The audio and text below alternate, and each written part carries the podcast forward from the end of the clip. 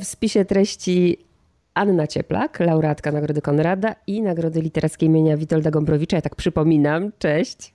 Cześć, dzień dobry. W międzyczasie żeśmy się spotykały, tam były jakieś nagrania do, do różnych programów, ale takie spotkanie ostatnie w związku z twoją książką to było dotyczące powieści Lekki Bagaż, pamiętam. I wracasz z powieścią Rozpływaj się, twoja najnowsza powieść, premiera 16 czerwca. Chyba to jest jeden z twoich pierwszych wywiadów. E, tak, to jeden z pierwszych, także ja bardzo się cieszę, że mogę akurat tutaj być i z tobą porozmawiać, bo zawsze dobrze się rozmawia. Super, ale możesz się wyluzować, ponieważ jesteś w sytuacji, w której ja e, zachwycona jestem. Zresztą wiesz, że nie tylko lubię cię prywatnie, ale lubię też twoje pisanie, więc z wielką przyjemnością przeczytałam tę książkę i poruszasz kolejne ważne tematy, y, konkretne ludzkie historie. O niektórych na pewno porozmawiamy nie o wszystkich, bo nie wiem, ile by ta rozmowa musiała trwać. Pierwsze pytanie to jest takie, na ile ta historia mrożąca krew w żyłach, o której głośno było w Polsce, czyli mam na myśli mord satanistyczny, prawda, właśnie w bunkrze w Halembie, była dla ciebie inspiracją? Myślę, że ona pojawiła się w tle, w takim sensie jak y, moment, kiedy zaczynasz pracować nad treścią, zaczyna w samej tobie pracować i rezonować i zaczynasz szukać. I jest to trochę taka praca śledcza w jakimś tam sensie, bo kiedy okazuje się, że sprawdzasz faktyczne wydarzenia, które miało miejsce w latach, które dotyczą e, moich bohaterów, to nagle na ich tle wykluwa się dużo takich nieoczywistych wątków. I to jest jeden z nich, który mm, nie był dla mnie na pewno punktem startowym, ale pojawił się dosyć szybko i wydawał mi się dobrym rodzajem tak naprawdę mm, metafory, nie tyle nawet do zupełnego mhm. wydarzenia, do tego w jaki sposób takie wydarzenie mogłoby wpłynąć szczególnie na jedną z bohaterek, na Alinę. I też wydaje mi się, że to wydarzenie, które brzmi tak bardzo w tej chwili może w ogóle abstrakcyjnie z perspektywy dzisiejszego świata, który tak naprawdę jest 20 lat później, więc wcale nie aż tak bardzo daleko. Wydaje mi się, że może rzucać jakieś takie istotne światło na temat tego problemu, o którym opowiadam w książce, czyli tak naprawdę o samotności i sposobach radzenia sobie z nią i szukania sobie miejsca w bardzo często nieoczywistych miejscach i sytuacjach, które mogą być niebezpieczne. Rewelacyjnie skorzystałaś z tego. A powiedzmy słuchaczom w dwóch zdaniach tylko o co chodzi z tym, tą halembą i z tym bunkrem. Mhm, y, więc y, w marcu 1999 roku doszło do ostatniego rytualnego mordu satanistycznego w Polsce. I była to taka bardzo smutna sytuacja y, w takim sensie też społecznym która pewnie miała gdzieś tam szeroki oddźwięk w społeczności lokalnej, mm, bo doszło do niej właśnie na bunkrach w lesie w Halembie i uczestniczyli w niej nastolatkowie z tej miejscowości. Mm, myślę, że w tej chwili już część z nich wyszła z więzienia, chyba, chyba rok temu tak naprawdę. Więc gdyby pewnie reportażysta czy reportażystka zajmował się tym tematem, to opowiadałby o tym zupełnie inaczej, mm -hmm. a dla mnie to jest takie luźne skojarzenie związane z moimi bohaterami, którzy na pewno nie brali w tym udziału, bo Oczywiście, są myśleni.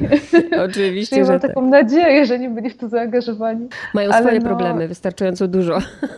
Teraz tak, przedstawmy tak. ich trochę. Mhm. Tym razem postanowiłam opowiedzieć z perspektywy czterech różnych osób i też tak dosłownie, bo każdy mówi w swoim imieniu, swoim językiem i z własnej perspektywy. I interesowało mnie zarówno to, jak oni widzą rzeczywistość, jak i ich zdarzenia. I w książce mamy czwórkę bohaterów. Y, jest to Alina, która y, jest sąsiadką Janka y, i Roberta. Roberta. To są bracia, którzy razem z nią mieszkają w jednej kamienicy.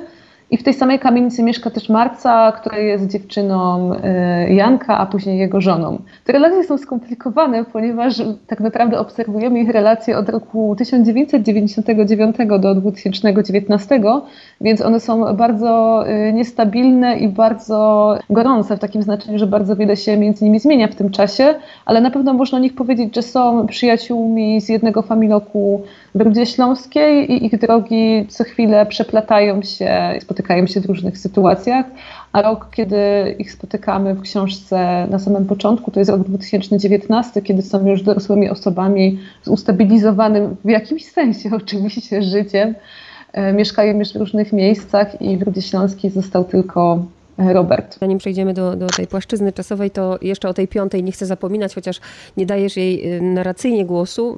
Mam na myśli o mamę. O mama, czyli śląska babcia, bo to jest połączenie słowa oma, czyli babcia z mamą, ponieważ o mama jest osobą, która opiekowała się właściwie wszystkimi z nich, w takim znaczeniu, że e, Robert i Janek e, to bracia, których mama zmarła przy porodzie jednego z nich i e, byli wychowani przez swojego ojca i przez babcię, która też szybko przejęła w jakiś sposób Alinę, czyli sąsiadkę, której mama z kolei wyjechała do pracy do Niemiec.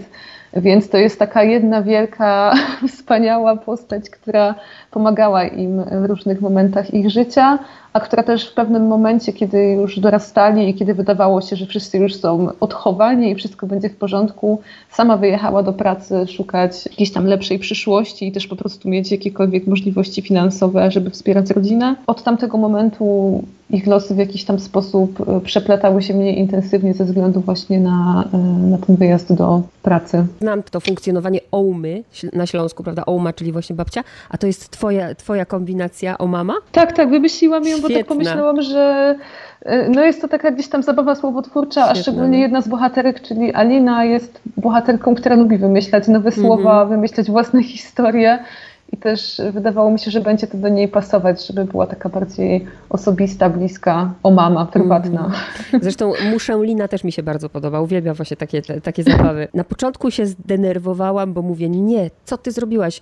Rzucasz mnie. Najpierw jestem w 2019, potem jestem w 99, potem jestem gdzieś tam w 2004, 2009 i mówię, jak ja się w tym pułapię? Okazuje się, że naprawdę tylko to, to przerażenie takie mija bardzo szybko, to się wszystko ładnie składa. E, długo szukałaś takiego pomysłu właśnie na, na kompozycję? Tak, szczerze mówiąc, ja pisałam dosyć długo tę książkę i ona miała bardzo różne warianty. Ja miałam taki moment w ogóle już jakiegoś załamania, że w ogóle nic z tego nie wyjdzie w pewnym momencie, ale tak strasznie mi zależało na tych bohaterach i tym, żeby ją doprowadzić do końca, że ten pomysł kompozycyjny wpadł mi tak naprawdę w ostatniej chwili. I to była już chyba czwarta wersja tej książki. I jakby to był taki moment, kiedy doszłam do wniosku, że wow, właśnie o to mi chodzi i że tylko dzięki temu jestem w stanie tak naprawdę głęboko zrozumieć tych bohaterów i też zajrzeć do ich środka, bo okazuje się, że tak naprawdę ciężko wytłumaczyć niektóre zachowania dorosłych osób w 2019 roku bez tego kontekstu mm-hmm. i że tak naprawdę nie znając czyjegoś życia w tych różnych aspektach, no nie jesteśmy w stanie zobaczyć go w pełni I, i tak do mnie dotarło, że jest to taki sposób, który mm, pozwala nam się bardziej do nich zbliżyć, może niektórzy się z nimi zaprzyjaźnią, ja na pewno się z nimi w jakiś sposób zaprzyjaźniłam, ale jest to moja osobista tendencja, którą zawsze mam, e, jeżeli chodzi o bohaterów moich książek. Więc, więc ta narracja skokowa na pewno dużo im dała i mi samej pozwoliła spojrzeć na nich jeszcze inaczej. I też nie miałam wrażenia, że właśnie ona jest jakaś taka wytrącająca z narracji, że wręcz przeciwnie, że ona jest jakby na tyle uzupełniającą narracją, że dzięki niej możemy naprawdę wejść w ich problemy w taki sposób, żeby były dla nas czytelne. Pierwszy moment to mam zawsze, że ja się boję, nie? Ale to zawsze się boję, że ja nie zrozumiem, nie? to jest normalne. No wiadomo, ale nie, ale ja też się bałam, że, że nie do końca to będzie czytelne, ale jak słyszę do tej pory wszystko jest w porządku tak, tak. i...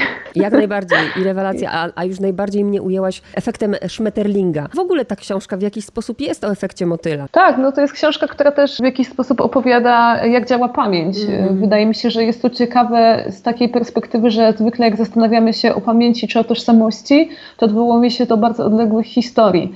A ja chciałam zobaczyć, jak to funkcjonuje na poziomie takiej bardzo współczesnej historii Polski, i tego, że to pokolenie, które ma teraz, nie wiem, 30 lat czy trochę więcej, już też ma takie momenty, tak, że jakby my też, mówię też z własnej mhm. perspektywy, bo sama mam 30 lat, widzę swoją przeszłość w taki sposób i że to nie jest jakby tylko tendencja umysłu osób, które, nie wiem, są już starsze i mają taką selektywną pamięć, gdzie pamiętają tylko pozytywne momenty i że pamięć w tym wieku chyba działa jeszcze trochę inaczej, że jeszcze pamięta te wszystkie takie bardziej smutne momenty, czy częściej też ludzie użalają się nad sobą, nie do końca są pogodzeni z tą przyszłością. Mm. Trochę tak jak patrząc na Marcę, tak, która jest dosyć neurotyczną postacią i która często jakby myśli, że ma bardzo trudne życie, no ale w kontekście reszty bohaterów powiedzmy, że miała dosyć dogodne warunki do tego, żeby pracować, żyć, e, miała wsparcie, miała swoją rodzinę na miejscu, więc to już było bardzo dużo. To w ogóle każdy z tych e, bohaterów to jest temat rzeka, jakby się zastanowić. Wiem też, że dotykasz takich tematów bo pamiętam chociażby w lekkim bagażu właśnie pisałaś, e, pamiętam o organizacjach społecznych. A teraz y, mamy tutaj od razu tak, wiesz, wytłuszczone, że jest to pierwsza powieść o życiu eurosierot. Zaczęłam się zastanawiać nad tym, że faktycznie kiedyś, kiedyś, ale to było dawno, było bardzo głośno w ogóle o tym pojęciu, y,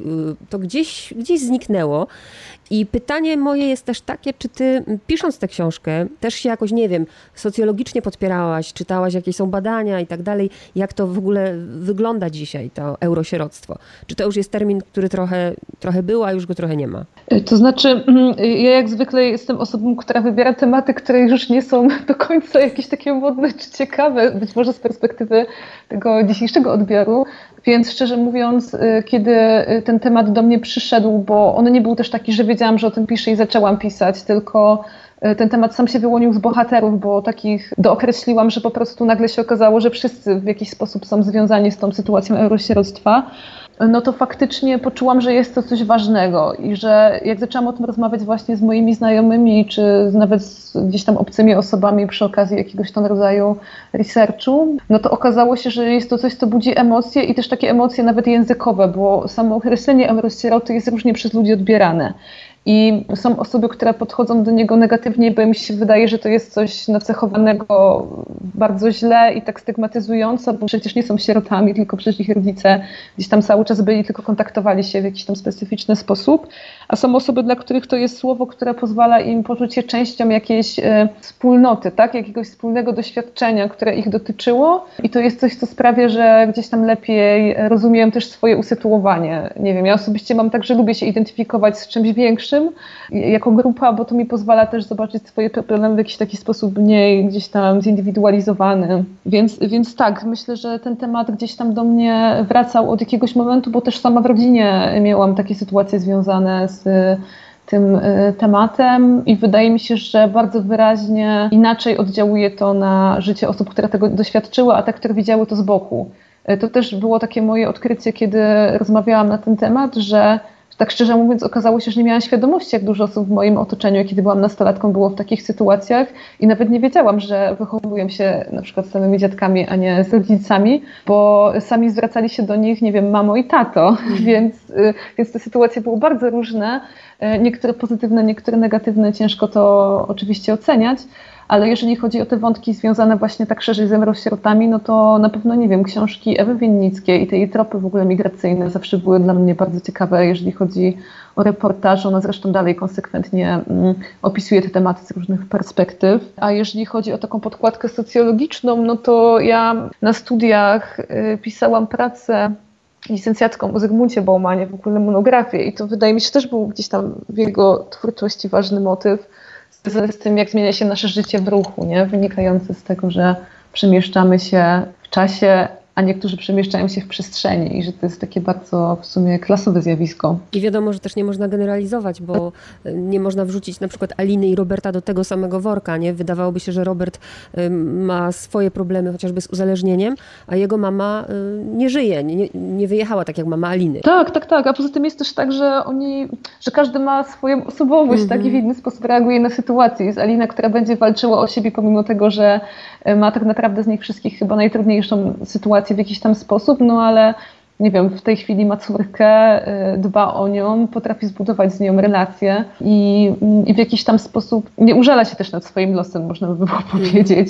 Natomiast w przypadku, nie wiem, Roberta i Janka też wygląda zupełnie inaczej. Każdy z nas ma inne strategie, które wybiera zależnie od tego, mm, jaki jest. To mm -hmm. też są mhm. takie cechy osobowościowe, nie? Ja się właśnie chcę jeszcze... więc, więc dlatego też chciałam powieść napisać, nie? A nie właśnie coś, co by uniwersalnie nazywało zjawisko, tak? Mm -hmm. że... że... najpierw będziesz żył pod opieką ojców 20 lat, potem jako dojrzały człowiek będziesz harował jak koń przez 20 lat, potem jako rodzic będziesz jak dojna krowa, z której każdy ciągnie przez 20 lat, a potem jako pies będziesz e, wachował wnuki i doradzał młodym przez 10 lat. Jak to porachujesz, jest 70 i jak śmierć przyjdzie po ciebie, sam będziesz ją prosił, żeby cię zabrała.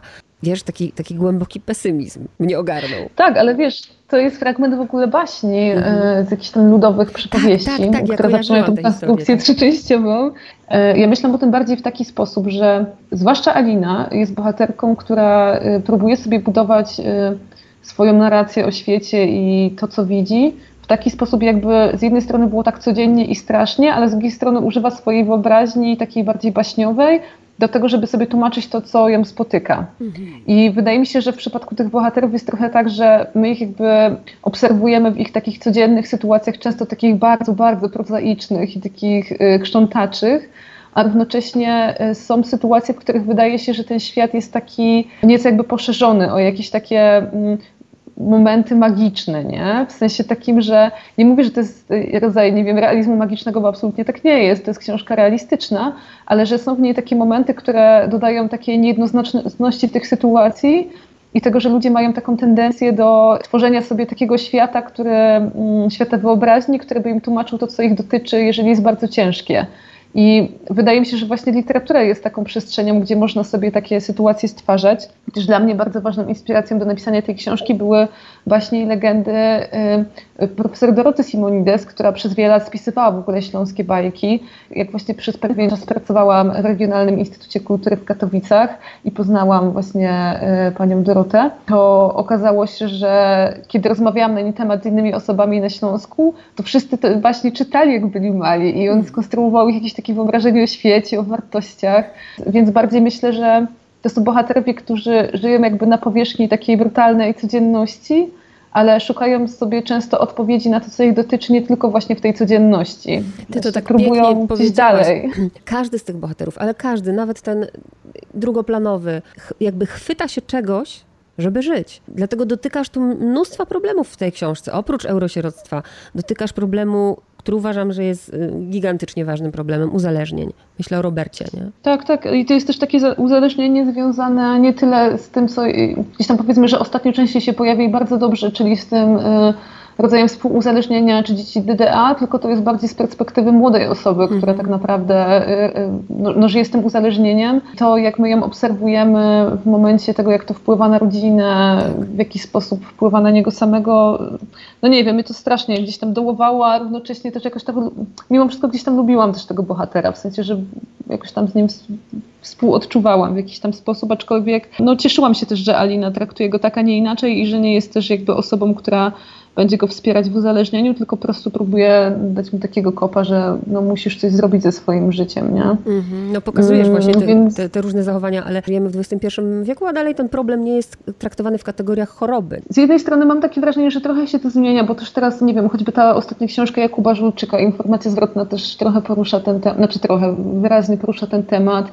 Mieliśmy też Aleksandry Zbroj-Mireczka, wcześniej Małgorzata Halber, więc mm-hmm. jakby to jest dobre, bo to jest taki kontekst typowo polski, prawda? W sensie, że jakby większość z nas żyje w otoczeniu ludzi uzależnionych jednak, często w ogóle o tym nie wiedząc, nie zdając sobie z tego sprawy, ale to jest coś, co zostawia ślady na przyszłość i jakby wymaga takiej w ogóle jakiejś chyba zbiorowej terapii polskiej, bo tak, alkoholizm jest problemem polskim. Druga rzecz, myślę, tylko mi przypomni, czy, czyj to był ojciec, który nie umiał za, y, funkcjonować bez pracy? Ojciec Marcy, Marcy. bo z kolei on, mhm. y, bo ona z kolei jest takiej rodziny, która, y, gdzie chciałam trochę zmierzyć się z takim stereotypem śląskiej rodziny, y, która właśnie jest taka robotna i chciałam zobaczyć, jak to wygląda w kontekście trochę pracoholizmu, a trochę takiego rodzaju y, poczucia, że trzeba cały czas pracować tak. i wiązać ten koniec z końcem, lęku przed tym, że nagle tej pracy nie będzie. I jakby mm, Marcelina jest dla mnie taką bohaterką, która właśnie cały czas się z tym jeszcze zmaga i cały czas jeszcze nie ma tego gdzieś tam ze sobą ustalonego, jak podejść do tej materii pracy. I ona nie pochodzi z domu, gdzie były problemy z alkoholem, mm. czy, czy coś w tym stylu, tak jak y, w domu Roberta, ale pochodzi z domu, w którym po prostu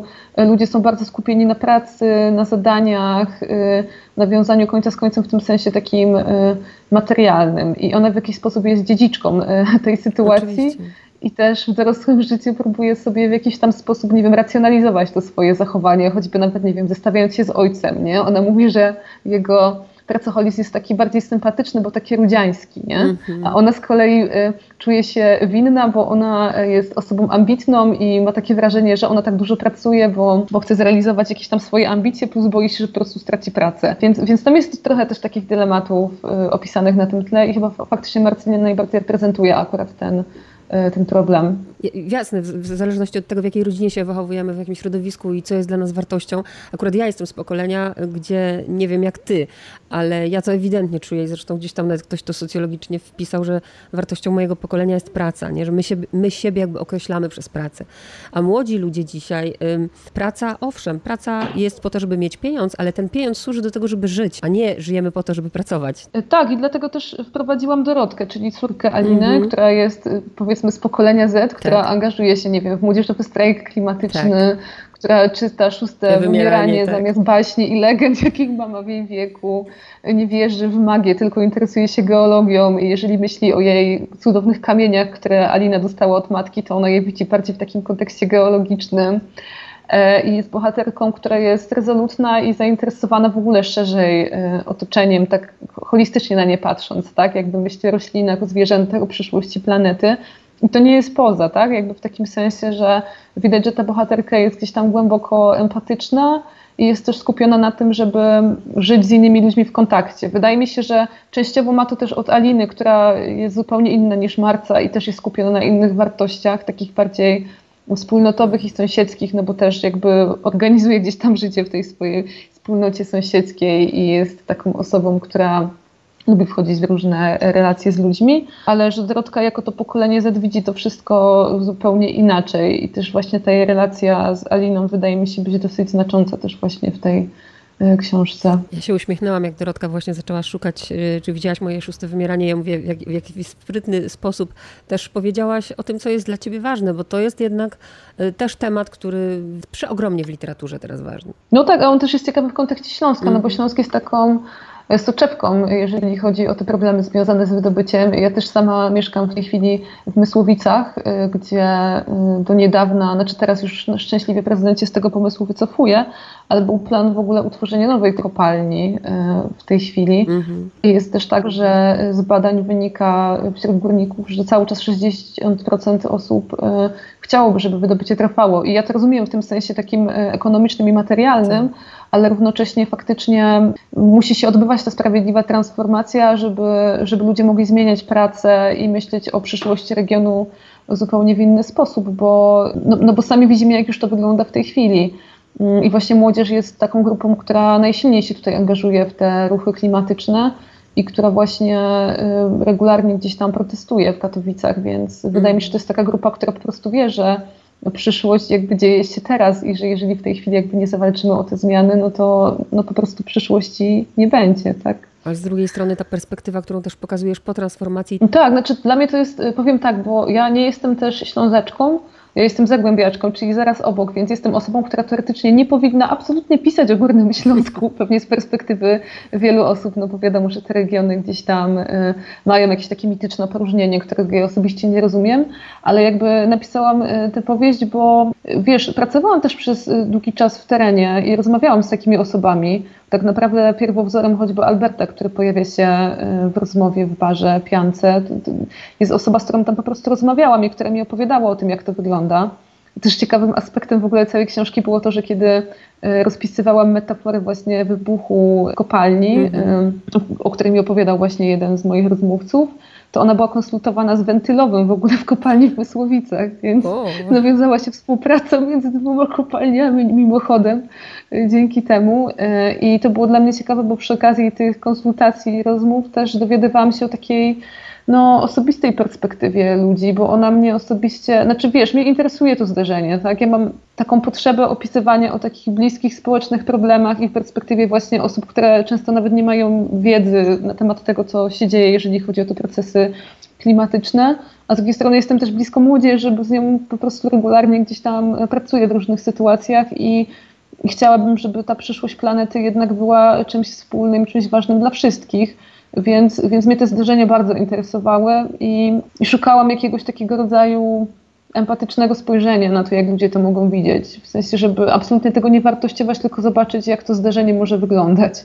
Mhm. I, I, właśnie dlatego też część tych bohaterów drugoplanowych trochę mówi właśnie w takim kontekście też transformacji energetycznej. Ja I, I wszystkich ich ona dotyczy, nie? W dużym stopniu, bo ona się dzieje tak naprawdę no, od wielu, wielu lat. To nie jest tak, że teraz tylko musimy zamykać kopalnie do 2050 ale część z nich już zamykała się wcześniej, czy w ogóle następowały różnego rodzaju zmiany związane z finansowaniem w ogóle w inny sposób e, danych kopalni, czy sprzedawaniu spółek prywatnych do hmm. publicznych do prywatnych. Więc to jest bardzo złożony temat. Może ja nie będę go rozwijać, ale Jasne, na pewno ale ja właśnie... no, musiałam też o nim doczytać i wiedzieć, żeby nawet te drobne dialogi wprowadzić. To też był głęboki temat. Popatrz, ja, ja, na to wszystko zwracam uwagę, bo dla mnie to jest kopalnia, właśnie patrz, fajnie się złożyło, że to twoja książka to jest kopalnia tematów, których dotykasz, problemów. O każdym by można mówić godzinami. Właśnie powiedziałaś w jednym zdaniu, więc ja chcę się tego zaczepić, bo to mnie też bardzo ciekawi, bo powiedziałaś, że ty jesteś z Zagłębia i tam dajesz, y, matka jednej z bohaterki właśnie też jest z Zagłębia, tam o tym wspominasz w sumie tam bardzo krótko, ale właśnie chciałam zapytać, czy to naprawdę dalej funkcjonuje, taki podział? Wiesz co, z mojej perspektywy nie, w takim znaczeniu, że o, o, obracam się w takim y, powiedzmy otoczeniu, że mam bardzo wiele, znaczy inaczej, jakby mieszkałam w Katowicach właśnie dokładnie w bloku Aliny przez mm -hmm. rok. Spotykałam się z różnymi osobami też w pracy i poza pracą. I było tak, że faktycznie te podziały, powiedzmy, w moim pokoleniu już tak nie istnieją. Natomiast wiesz, gdyby przyjrzeć się temu z perspektywy literackiej, no to ja nie wiem, czy pisał ktoś o Górnym Śląsku, mm, kto jest spoza Górnego Śląska. Znaczy, może się mylę i tego dokładnie nie sprawdziłam, ale szczerze mówiąc, przez moment poczułam taki moment, że czy zaraz ktoś się nie przyczepi, że ja w ogóle mówię o Górnym Śląsku, chociaż jestem z Zagłębia i być może sama się złapałam na jakimś autostereotypie, mhm. E, bo, bo, tak naprawdę na co dzień wydaje mi się, że no, mm, ludzie akurat nie, nie czują już tak wyraźnie tych podziałów, aczkolwiek no, czasami rzucają do siebie jakieś takie różne nieśmieszne żarty na ten temat, tak. Mhm. W ogóle wiesz, te, temat kredytów, temat e, ezoteryki, ucieczka Lidii, tak? Lidia uciekała w ezoterykę. Tak. Mhm. Znaczy Lidia generalnie jest wróżką, która e, pracuje w superjednostce. E, nie wiem, czy jeszcze w tej chwili. Ona też była wzorowana na prawdziwej postaci. I też te wątki ezoteryczne, które wyrzucam, też są związane ze Śląskiem, bo wyobraź sobie, że takie pracowni Piastowska 1, która jest naprzeciwko domu Aliny, naprzeciwko jej bloku, E, w ogóle był Alan Ginsberg. I w ogóle od lat 70. tam działała taka pracownia założona przez e, Andrzeja Urbanowicza i Urszulę Broll, gdzie tłumaczyli na przykład Junga, e, gdzie spotykali się buddyści, były pierwsze zjazdy w Polsce, więc ten wątek ezoterycznego Śląska wydaje mi się, że też jest mhm. ciekawy i jakby no, nie, też niezbyt tak często opisywany jakby w ten sposób, bo Śląsk się kojarzy z jakąś taką tradycyjną śląską rodziną, a wydaje mi się, że to bardzo ciekawie się zmienia. No nie wiem, no słyszałam o wielu osobach, które w tych wątkach takich mistycznych gdzieś tam e, się poruszają mm -hmm. I, i Lidia e, jest taką powiedzmy postacią, która faktycznie no, istnieje, tak? Moja koleżanka u niej była i dostała od niej nagranie na kasecie na temat swojej przyszłości. No, też mi nie są obce takie wątki, dlatego zwróciłam na to uwagę. Nie chcę zabierać y, czytelnikom mm, wszystkiego, więc totalnie jakby pominę i świadomie pominę wątek y, zaklęcia, wątek ten metaforyczny, który włożyłaś. Mm, po, powiedz mi, bo to jest też takie dla ciebie pewnie ciekawe, jak czytelnik to odbiera, nie? Ja pomijam, wiesz, pomijam to, to, to cały rok 99 i to, co jest w środku również, ale też myślę na takim poziomie słowa, nie? Że jak mówimy, rozpływa nam się coś w ustach. Oczywiście to akurat się kojarzy y, z rozkoszą. Rozpływać się można nad Twoją książką, ale ja tak jak czytałam, to miałam wrażenie właśnie, nie wiem, to jest moje z kolei, pewnie przez moje jakieś tam patrzę y, doświadczenia, że tam ale że tam nikt z tych bohaterów nie żyje, a każdy się właśnie rozpływa. Mhm. No to jest bardzo celna uwaga i ciekawe spostrzeżenie. Ja y, rozpływaj się dedykuję osobom, które nie wiedzą, co będzie. Mhm. Więc, więc wydaje mi się, że ten stan takiego poczucia niepewności, trochę lęku, a trochę przyzwyczajenia do takiego stanu sytuacji jest takim stanem rozpływania się, że jakby trochę nie jesteśmy czasami do końca ciałami stałymi jakby w tym, co robimy. I dlatego to rozpływanie się było dla mnie taką bardzo ciekawą metaforą. Też można ją odbierać oczywiście przekornie, tak? Może jakiś tam prowokacyjny też chciałam wrzucić to rozpływaj się, no bo nie ma nad czym się rozpływać tak naprawdę, bo los tych ludzi jest bardzo trudny. Mm. I mm, więc wydaje mi się, że, że tak, że takie nie, niejednoznaczne gdzieś tam odczytanie jak najbardziej, plus to, co trochę też wcześniej wspominałam, no dla mnie właśnie postać Zygmunta Baumana, zresztą bardzo się cieszę, że teraz jego biografia powstała, którą napisał Artur Domosławski, jako takiej postaci, która właśnie pisała o płynnych czasach, tak? Właśnie o tym płynnym lęku. Mhm. Jest jakimś takim rodzajem jeszcze innej metafory, która dobrze opowiada o tych czasach. Y, I nie jest to jakaś prawda pokoleniowa, tylko prawda czasu, myślę, tak? Mhm. Że żyjemy w takich czasach, kiedy rozpływają się różne wartości. Można też o tym myśleć nawet w kontekście języka, tak? tak. Śląskiego, który też tam momentami no się pojawia. To też była mm, trudność dla ciebie, bo powiedz, czy ty posługujesz się tym językiem, czy ty musiałaś mieć konsultanta? E, nie, tam, e, tam szczęśliwie miałam konsultanta. Rozumiem, kiedy ktoś mówi do mnie po śląsku, ale sama nie mówię po śląsku, ponieważ wiem, że nie spotkałoby się to chyba z dobrym odbiorem. E, ale bardzo mi się on podoba i uważam, że język śląski jest czymś, co Mm, o co warto zawalczyć, zawalczyć też w kontekście właśnie rejestracji go jako języka i też bardzo mi się te ruchy podobają w tym kierunku, I, I zależało mi na tym, żeby właśnie przetłumaczył dosłownie dialogi świetny tłumacz języka śląskiego, więc, więc tutaj też są takie różne zabiegi, bo to jest na tyle jakby profesjonalny tłumacz, który też rozumiał moje sugestie, kiedy chciałam, żeby ten język momentami był tylko śląski, a momentami trochę śląski, trochę polski. E, no bo, no, no bo ludzie też trochę w taki sposób do siebie mówią. Takie przynajmniej jest moje wrażenie i kiedy rozmawiałam z różnymi osobami, czy to w Rudzie Śląskiej, czy w innych miejscach na tematy związane z moją książką, no to często mi się zdarzało tak, że ktoś do mnie mówił e, na zmianę różnymi wyrazami ja niektórych z nich na przykład nie rozumiałam, więc dopytywałam, ale, e, ale to jest też fajna cecha właśnie tego terenu, nie? Mm, która wydaje mi się być ważna do mm, odzwierciedlenia w książce. Ach, jak ja lubię takie pytania. Jak odpowiesz, będzie dobrze, od razu ci mówię. Czym się Anna Cieplak rozpływa? Czym się rozpływam? Ja chyba w jakiejś takiej niepewności, tak jak chyba większość ludzi, która teraz istnieje, żyje i doświadcza tego, co się dzieje. Zwłaszcza ten ostatni czas, tak, pandemiczny nam pokazał, że żyjemy w bardzo takich y, nieoczywistych czasach i nie wiadomo, co będzie, więc ja oczywiście dedykuję moją książkę osobom, które nie wiedzą, co będzie, ale sama jestem taką osobą. Y, chociaż próbuję gdzieś tam wpływać oczywiście na moje życie, ale mam świadomość tego, że nie angażując się w jakieś takie inne, większe ruchy na rzecz zmiany, jakby nie jest to możliwe, tak? Bo indywidualnie nie jestem w stanie y, bardzo wiele zmienić, jeżeli chodzi o to, co może wydarzyć się z naszą przyszłością jako ludzkości.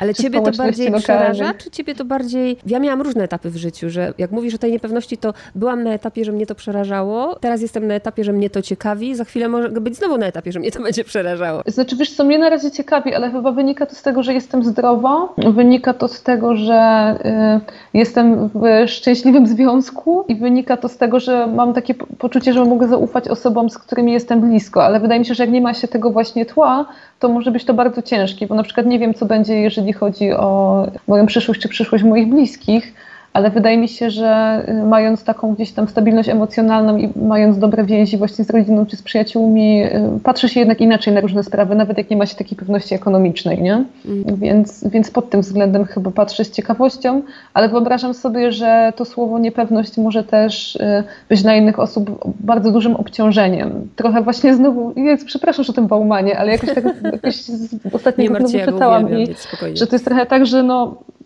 mamy do wyboru, tak, wolność albo bezpieczeństwo. Mm. No i jakby cały czas się poruszamy między tymi dwoma obszarami i żadnego z nich nie chcemy gdzieś tam odpuścić, więc, więc to chyba będzie taki wieczny dylemat i jakaś taka cecha czasu, którą trzeba po prostu gdzieś tam przyjąć i, i z nią żyć, jakby nie odpuszczając, y, pomimo tego, że często gdzieś tam łatwo nie jest, a, a i tak jakby z własnej perspektywy wiem, że mam o wiele większy przywilej niż wiele osób, które zmagają się z różnymi problemami, tak jak choćby ci moi bohaterowie, czy też, nie wiem, niektóre bliskie mi osoby. Z tego, co jest. Pięknie Ci dziękuję. No, ja też. Ściskam Cię mocno no. i do zobaczenia, mam nadzieję. Pa, no, pa, pa. pa.